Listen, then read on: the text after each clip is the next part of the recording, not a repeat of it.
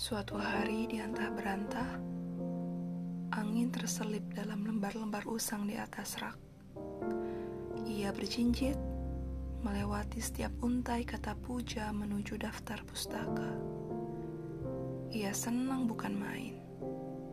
Baginya, perjalanan ini laksana berkeliling dunia. Ia bebas menyusuri alfa, beta, dan singgasana Kopernikus dalam prisma bersusun-susun. Di tempat itu, bunga-bunga merekah dari kata. Ilalang tersebar dari tanda seru yang menyekat banyak seru. Dan di persimpangan, titik mempertegas keindahannya.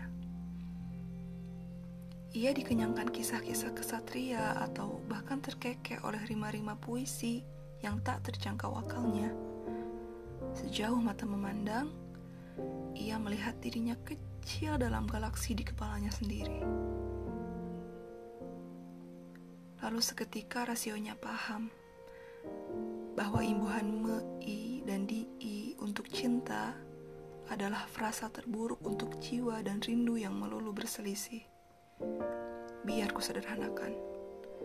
Jika rindu adalah simetris yang terlalu agung untuk dipecah menjadi garis, maka siang dan malam adalah coretan jiwa yang hanya dimengerti Einstein dalam rumusnya yang terlalu rumit.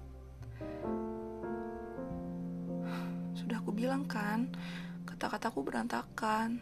Aku tak pandai berdefinisi. Aku bukan ahli. Yang ku tahu, Cinta memang tak sederhana itu. Tapi untuk jatuh ke dalamnya, kau hanya perlu menemukan cara-cara yang sederhana.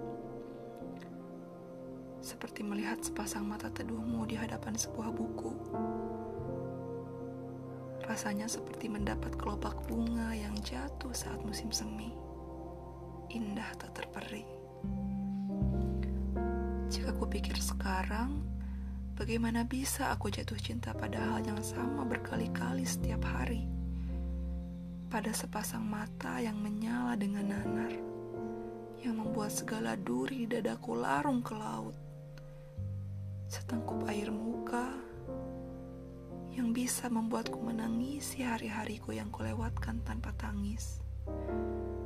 Aku mendekap haru kapan pun melihat mata indah itu tertegun lantas membenamkan diri di hadapan huruf yang meliuk-liuk. Kau terisak. Pada saat yang sama, baru ku tahu. Ada seseorang yang juga mencintaimu sedalam itu. Masih lekat di telingaku suara nafasmu yang berat melirihkan kalam di tengah sunyi.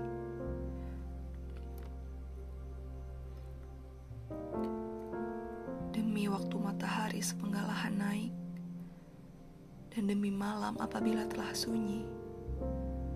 Tuhanmu tidak meninggalkanmu dan tidak pula membencimu.